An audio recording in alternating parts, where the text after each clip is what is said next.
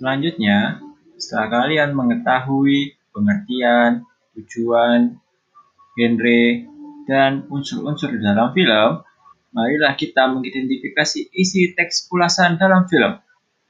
Isi suatu teks ulasan yaitu memuat pandangan penulis mengenai karya yang diulas. Pada bagian ini, penulis biasanya membandingkan karya tersebut dengan karya lain yang dianggap mirip. Selain itu, penulis juga menilai kekurangan dan kelebihan karya yang diulas. Tentu kebanyakan dari kalian sudah pernah membaca novel dan menonton film Laskar Pelangi, bukan? Menurut kalian, apakah kelebihan dan kekurangan dalam film Laskar Pelangi?